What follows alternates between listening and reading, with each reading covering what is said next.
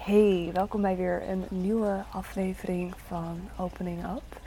En ik hoop dat je klaar bent om een beetje te gaan ranten met mij. Ik wil het namelijk gaan hebben over de onzin van professionaliteit en het tussen haakjes zakelijk zijn. Je weet wel, die houding die we van elkaar verlangen zodra we de werkvloer betreden. Naar mijn inziens is het het zoveelste masker dat we elkaar een soort van opdragen. Terwijl er volgens mij juist zo'n honger is in de maatschappij naar echtheid en eerlijkheid.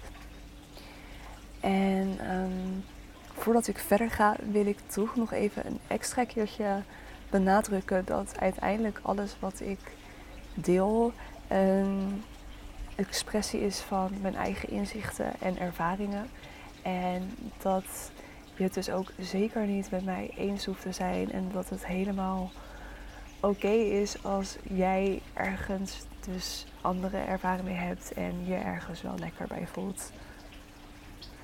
Dus dat gezegd hebbende, om te beginnen, een paar onzinnige momenten die ik zelf heb meegemaakt met betrekking tot professionaliteit. Ik werkte jaren geleden bij een van de Nederlandse grootste koffiebedrijven. En ik zeg het even zo, want het gaat er niet om wie of wat, maar ja, meer over gewoon dingen die dus voorkomen. Ehm, maar in, binnen dat bedrijf of binnen mijn afdeling hadden ze dus een kledingpolicy. En belangrijk om te weten, destijds deed ik inbound sales. En dat betekent dus dat je ja, vanuit, vanuit binnen andere belt. Dus in principe, je ziet, uh, je gaat niet naar klanten en je ziet ook geen klanten. Dat was nog geen tijd waarbij Zoom een, een ding was. En met die policy kan ik op zich best leven. Want het idee was dat wat je dus aantrekt ook invloed heeft op hoe je je voelt. Dus dat als je in je kloffie aankomt, dan brengt dat niet altijd de beste energie. En energie is voor sales natuurlijk wel weer belangrijk. Dus daar kon ik me ehm, zeker in vinden. En dat ken ik ook van thuis. Dat als je gewoon even lekker aankleedt, weet je wel, als je een, een down dag hebt, dan kan dat al heel veel met je doen. Dus als je wat meer moeite doet, dan zit je gewoon anders in het spel.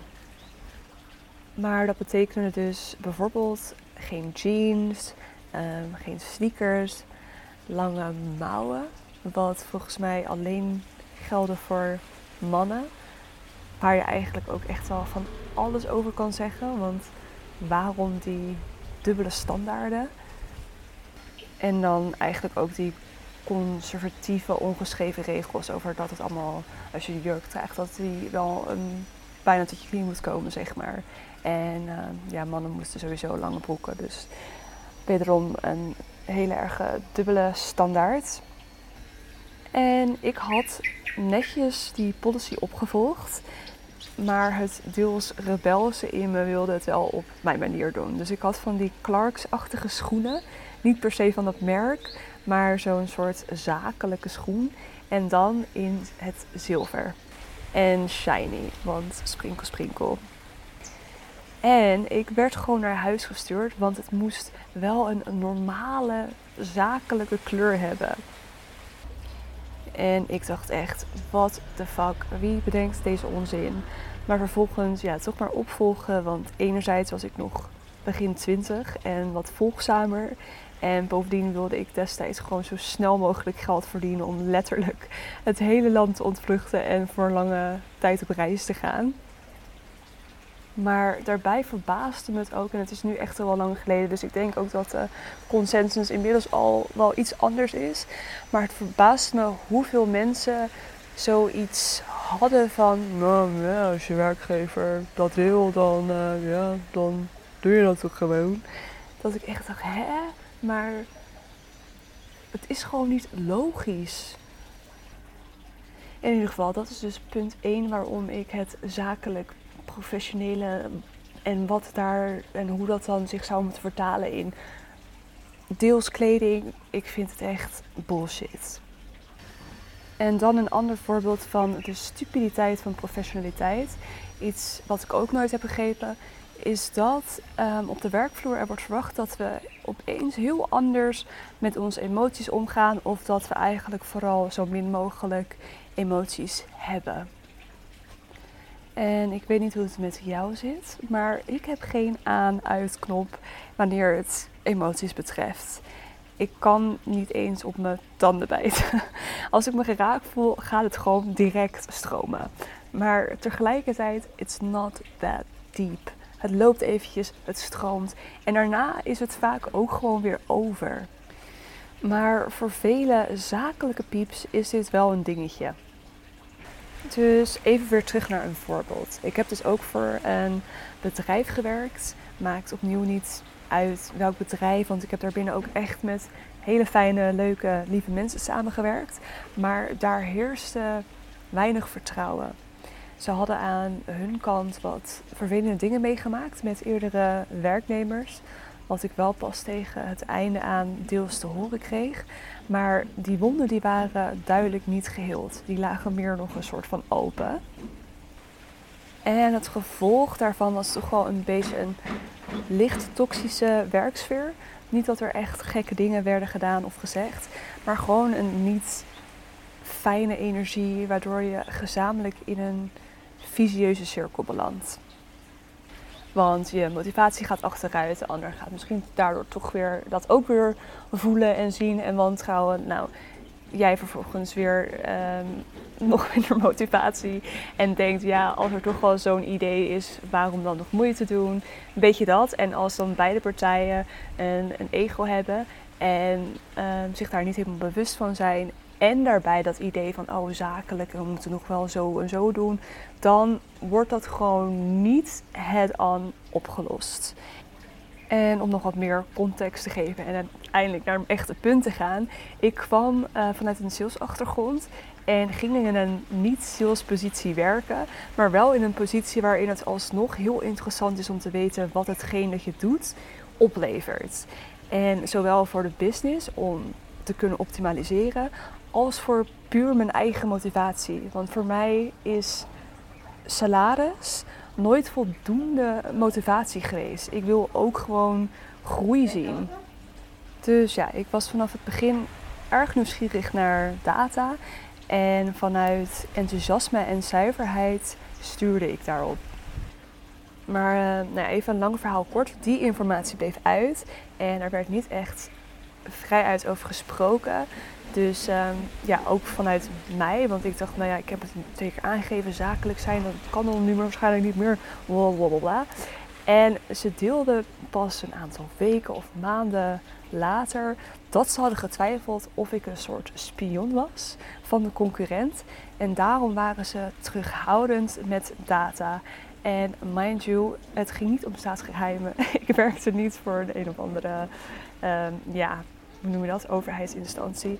Tuurlijk, voor hun heel belangrijk en waardevol en hard voor gewerkt, I guess.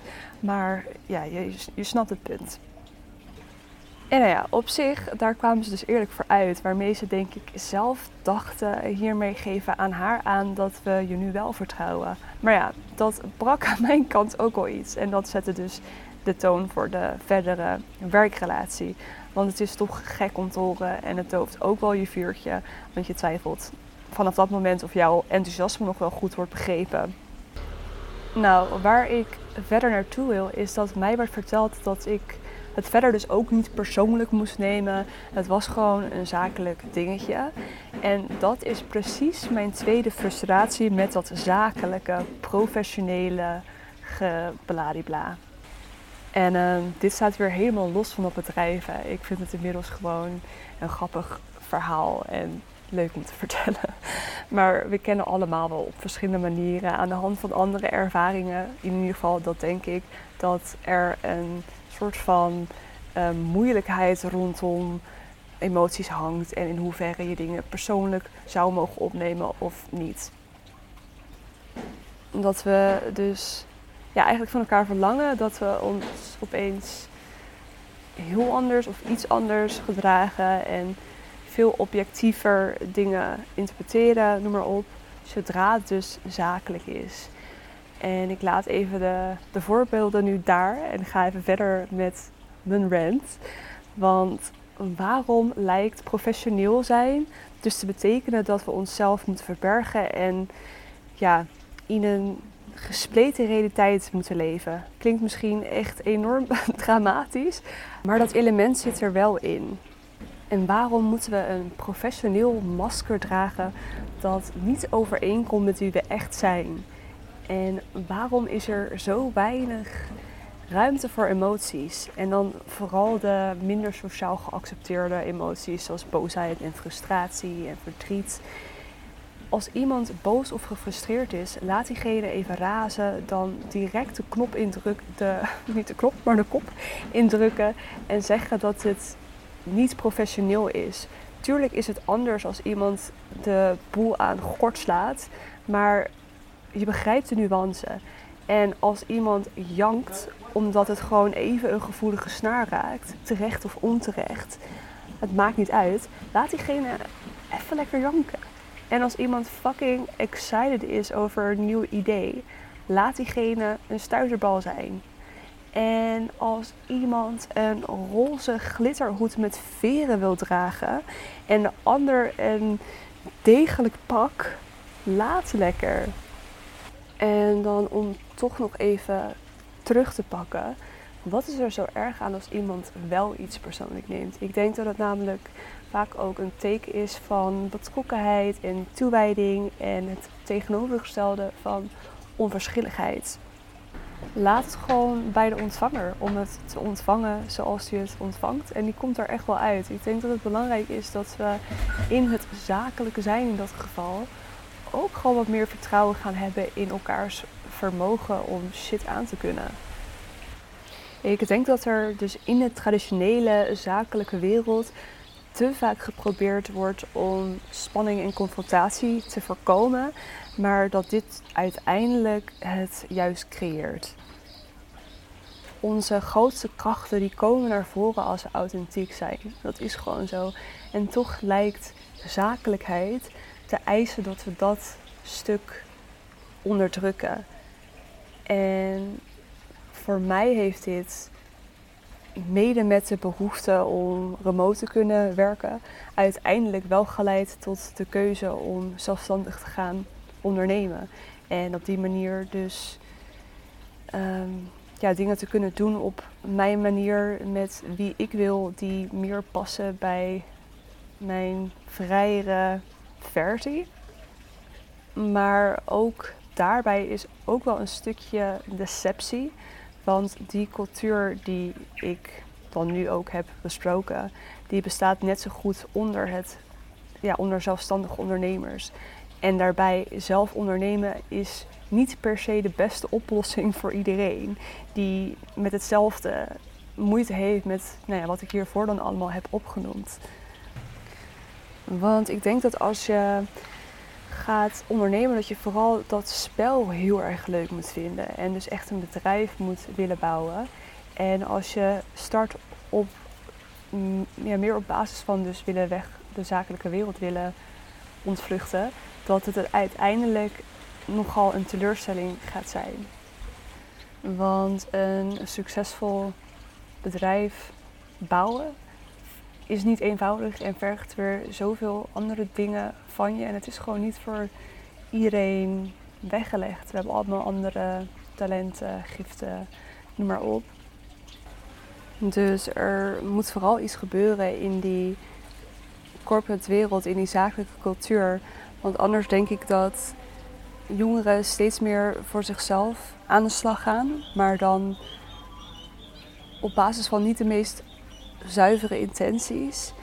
En daarbij zorgt dat er denk ik ook voor dat de wereld steeds individualistischer wordt. In plaats van dat we elkaar steeds meer gaan accepteren in ons authentieke zijn.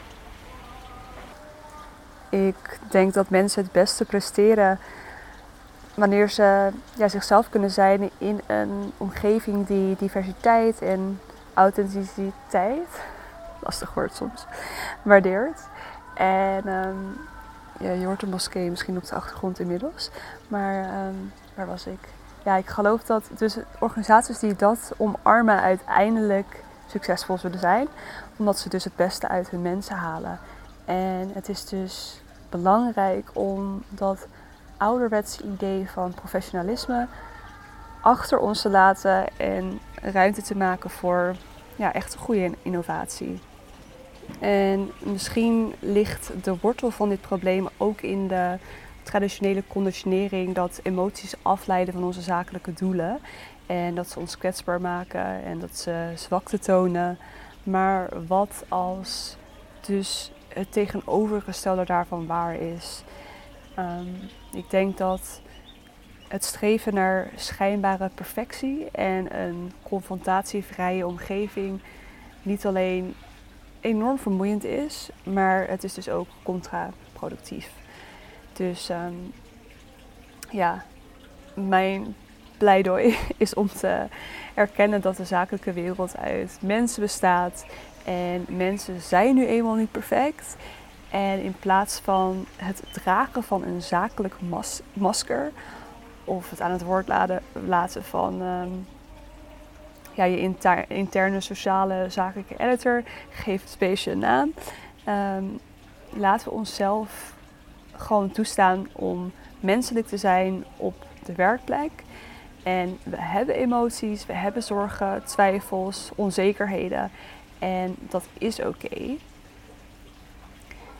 En meer ruimte om dus te komen zoals we zijn, bevordert uiteindelijk een gezondere werkomgeving. Maar het creëert vooral ook die dingen die we willen, zoals creativiteit, fijne samenwerkingen en daarmee ook het werkelijke bedrijfsresultaat, als dat een uh, belangrijke pijler voor je is.